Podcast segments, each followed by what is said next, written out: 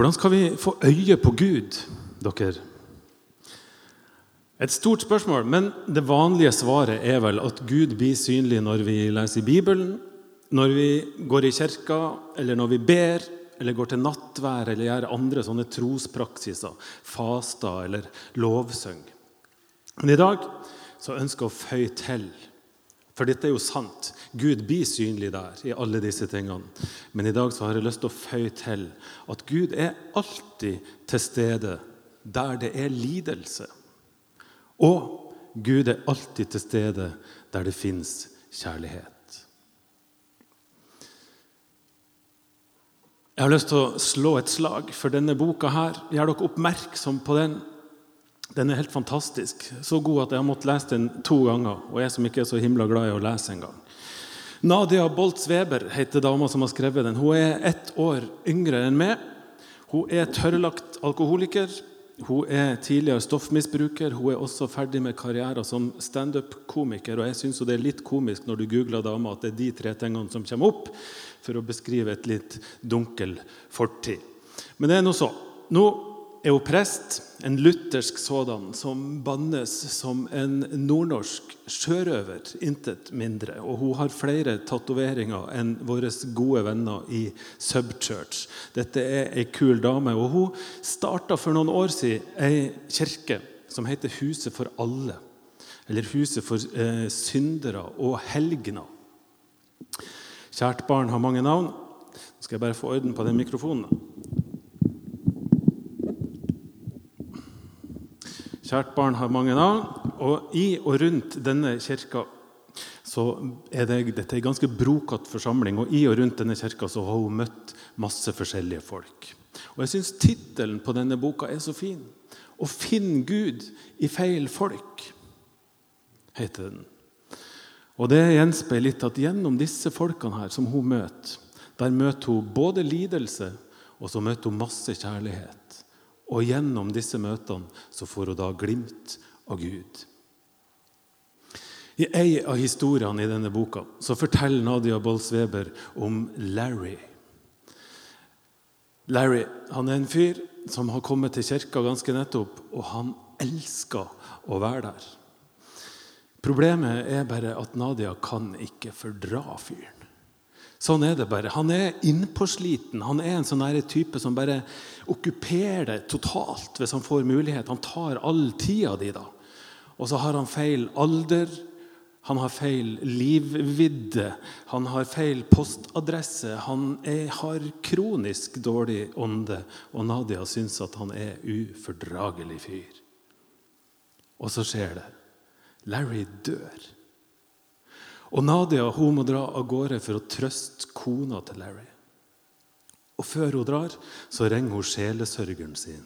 Og så sier hun jeg må få komme til det, og jeg må få komme til det med én gang. Og så må jeg få skrift.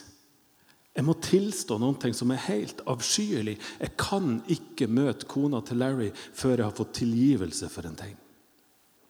Og Sjelesørgeren til Nadia lurer selvfølgelig på har du drept mannen, eller hva er det for noe. Og det har hun jo da ikke. Men det hun har gjort, det er å utelate Larry fra fellesmailer som hun har sendt ut. Mailer der hun har pusha folk til å melde seg på ei sånn vårsamling i kirka. Og Der hadde ikke hun lyst til at Larry skulle være med. Så hun har holdt han helt bevisst utafor og latt være å sende mailer til ham. Og Nå prøver jeg å tolke blikkene deres. Jeg hadde håpa å se masse blikk som sa 'Dette ville du aldri gjort, Kjetil'. Men jeg ser ingen sånne blikk. Og så var det én ting til. Ei uke etter han fikk diagnosen hjernesvulst, så kontakta Larry Nadia Bolsweber og spurte kan du vi med og kjæresten vår vi må gifte oss fort, vi nå. Og da hadde hun svart at det har jeg ikke tid til. Og det vet hun jo, at det er ikke helt sant, sjøl om hun hadde det travelt. For hvis det hadde vært noen venner som hadde måttet gifte seg raskt, og blitt dødssyke og gifte seg raskt, ja, da hadde hun avlyst alt annet og via dem med en gang.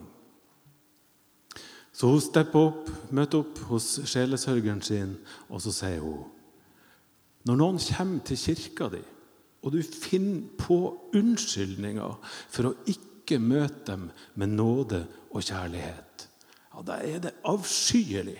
Og det er det jeg har gjort. Og nå, nå har jeg et desperat behov for tilgivelse og nåde. Og Denne avsløringa den er altså helt typisk for denne boka. Nadia Bolz-Weber hun tegner ikke noe glansbilde av seg sjøl. Det er en fryd å lese. Og etter å ha lest boka så tenkte jeg at hun er jammen ikke den eneste som trenger nåde og tilgivelse. Jeg trenger det. Mer enn hun. Jeg finner også på unnskyldninger som gjør at jeg møter andre mennesker uten nåde, uten kjærlighet. Og kanskje er det ikke bare vi som er pastorer og prester som driver på med det. Kanskje det er gjenkjennelig for noen av dere også. Og Én ting er hva vi gjør i møte med enkeltpersoner som Larry eller andre. En annen ting er hva vi gjør i forhold til de som vi ikke ser, og som lever under uverdige forhold, og som trenger vår kjærlighet mer enn noen andre. Jeg tror at det er veldig vanlig å finne på unnskyldninger, eller i hvert fall lukke øynene, sånn at vi unngår å ha noe med disse menneskene å gjøre. Og det er jo ikke greit. Husker dere teksten som Ragnhild leste så fint? Den sier noen ting om hva slags oppdrag Gud har gitt oss som kristne. Teksten er altså henta fra Jesaja 58 og et lite utdrag av en lang fortelling som i utgangspunktet var skrevet til israelsfolket. Og Til tross for at israelsfolket gang på gang de vendte ryggen til Gud, så ønska de jo å følge Gud. Det var deres største ønske. De hadde bl.a. mange trospraksiser for å hjelpe seg i å følge Gud, og i å søke Gud og i å være lydig mot Gud. Og En av dem det var at de var ivrige etter å faste. Og der starta vår tekst. Husker dere? Tror dere at det er denne fasten jeg vil ha? spør Gud gjennom denne teksten. At mennesker plager seg sjøl. At mennesker bøyer hodet som et siv og legger seg i sekk og aske. Nei, den fasten, den trospraksisen som jeg vil ha, og som er til Guds hjerte, det er noe helt annet. Det er å løse urettferdige lenker. Spreng det som binder, og sett undertrykte fri. Det er å dele sitt brød med den sultne og la hjelpeløse og heimløse komme i hus. Oppdraget er å se til den nakne og kle han, og ikke snu ryggen til noen. Jeg vet ikke hva dere tenker når dere hører en sånn tekst. Høres det ut som et krav? Noe som er et slit å gjennomføre. Noe som blir litt masete. Jeg skjønner hvis vi opplever det litt sånn, for det er så uendelig mye lidelse der ute som vi skulle ha brydd oss om, og så kan man heller bli fylt av litt avmakt. Men jeg, etter å ha lest denne teksten i ei uke nå, den gjør noe med meg. og Det den gjør, det er at jeg får lyst til å leve sånn. Jeg vet ikke om jeg klarer det, men jeg får jammen lyst til å leve akkurat sånn. Jeg vil veldig gjerne være med og sette undertrykte fri. Jeg vil veldig gjerne være med og gi brød til de som er sultne, og kle de nakne, og la hjelpeløse og heimløse få et heim. Det høres jo ikke ut som et enkelt liv, men det høres jammen ut som et godt liv, og i hvert fall et meningsfylt liv. Og Det er jo ikke bare Jesaja som oppfordrer oss til dette. her. Hele Bibelen er jo full av fortellinger og oppfordringer om å møte andre mennesker med nåde og med kjærlighet. Jesus han levde jo konsekvent på denne måten. Han tok alltid de svakes i side. Og Han sa en gang at grunnen til at han var kommet til jorda, det var for å forkynne et godt budskap for de fattige. Han kom for at fanger skulle få sin frihet, og for at blinde skulle få synet igjen, og for å sette undertrykte fri. Det er mitt oppdrag, sa Jesus. Og så utfordrer han tilhørerne med å si dette skal dere følge etter. Sånn skal også dere leve. Og det dere gjør mot de minste, det gjør dere også mot meg. Jeg tror at dette er et ideal som vi aller fleste mennesker har lyst til å leve etter. Vi ønsker jo å møte andre med nåde og med kjærlighet. Vi ønsker jo å være den som stopper opp og hjelper, i stedet for å være den som går forbi. Og jeg er ganske sikker på at hadde vi levd sånn, så hadde verden vært et godt sted. Og For mange er jo verden et godt sted, men for mange er verden ikke et godt sted å være. Det er så mange som lider. Nå skal dere få noen sjokkerende tall av meg. Jeg syns i hvert fall de var sjokkerende, for jeg leste meg opp på dette denne uka. Visste dere det? At 40 millioner mennesker lever som slaver i verden i dag. 40 millioner mennesker. Det er altså rundt åtte ganger Norges befolkning. Og Da defineres slave som en tilstand der noen har havna i en situasjon der andre bruker enten tvang eller vold eller trusler for å kontrollere det. Som slave så er du eid og kontrollert av et annet menneske eller av noen andre. Du er stengt ute og har ikke mulighet til å leve et verdig liv eller å komme, seg, komme deg ut av dette her på egen hånd. Og Slaver i dag de lever i tvangsekteskap. De har havna i tvangsarbeid, de er utsatt for menneskehandel, barnearbeid eller sexslaveri. Og Vet dere hvor mange som lever sånn i Norge? Mørketallene er enorme, sånn at det er vanskelig å se et eksakt tall. Men et anslag som er gjort, det er at en tror at ca. 9000 mennesker, 9000 kvinner og menn og barn, lever som slaver. Grovt utnytta av andre mennesker, enten i ekteskapet sitt, i bilvaskehallen, i sexklubber, på gata, uten mulighet til å komme seg ut av dette på egen hånd. Og Disse tallene er jo så drøye at det, alle vi skjønner at dette kan vi jo ikke løse på egen hånd. Og det enkleste er kanskje å finne en unnskyldning, sånn at vi slipper å ha noe med dette å gjøre. Vi kan jo leve så godt sjøl, i hvert fall, uten å engasjere oss. Men for meg så blir det stort og stolt å være en del av ei kirke og en del av et fellesskap som er så mye sterkere enn det jeg er alene, og som har som oppdrag å sette undertrykte fri. Jeg er overbevist om at mine handlinger og dine små handlinger, mine små og dine små handlinger gjort i kjærlighet, kan forandre livet til et annet menneske. Det er jeg helt sikker på. Og jeg er overbevist om at vi som kirke, som fellesskap, kan forandre hele verden gjennom massevis av små gjerninger gjort i kjærlighet.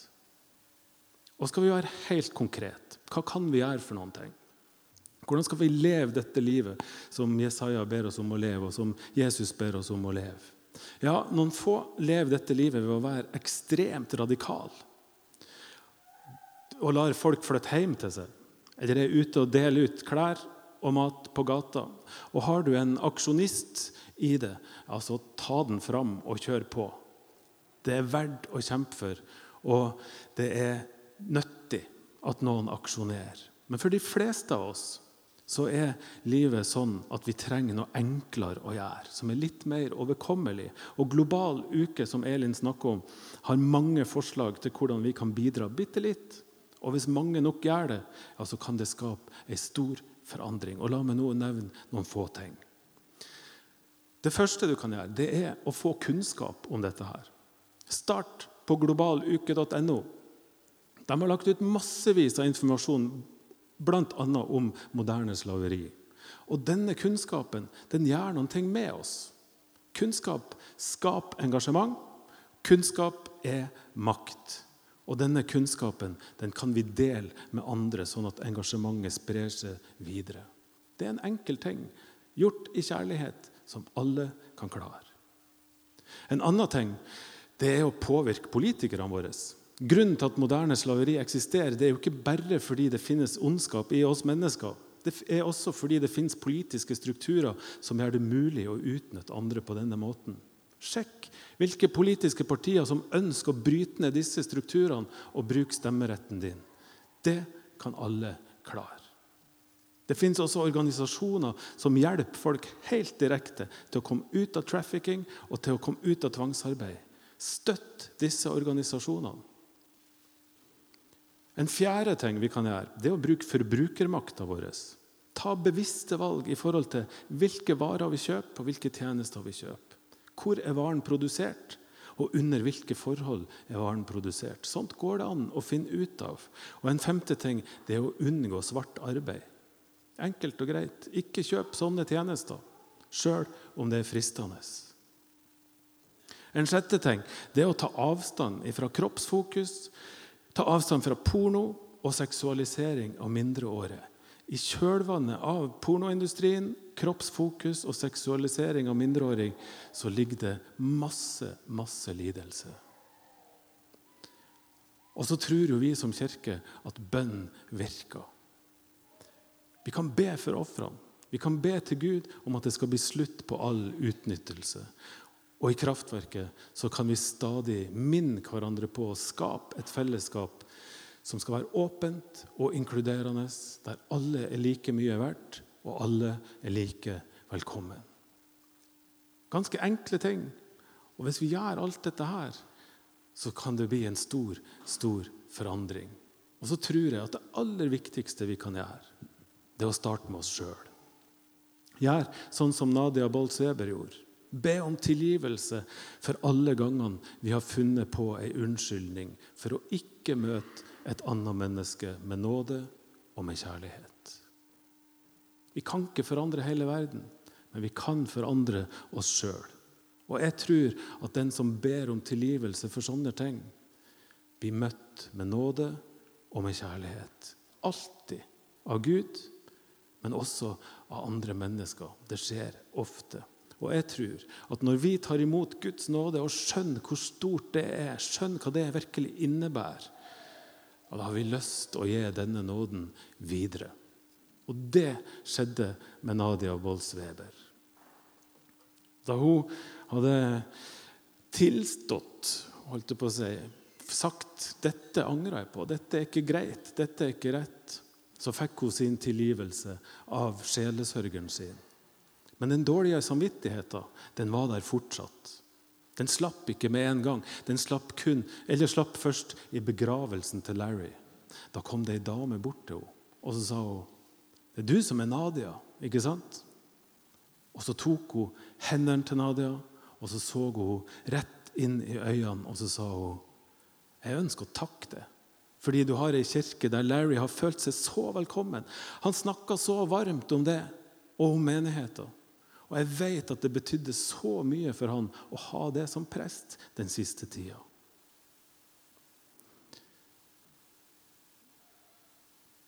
Så skriver Nadia av og til må Gud få gjort sakene sine, sjøl om jeg kan være et rasshøl.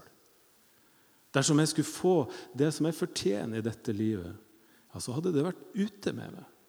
Så i stedet tar jeg imot nåden for det den er ei gave. Denne nåden her, den trenger vi alle å ta imot.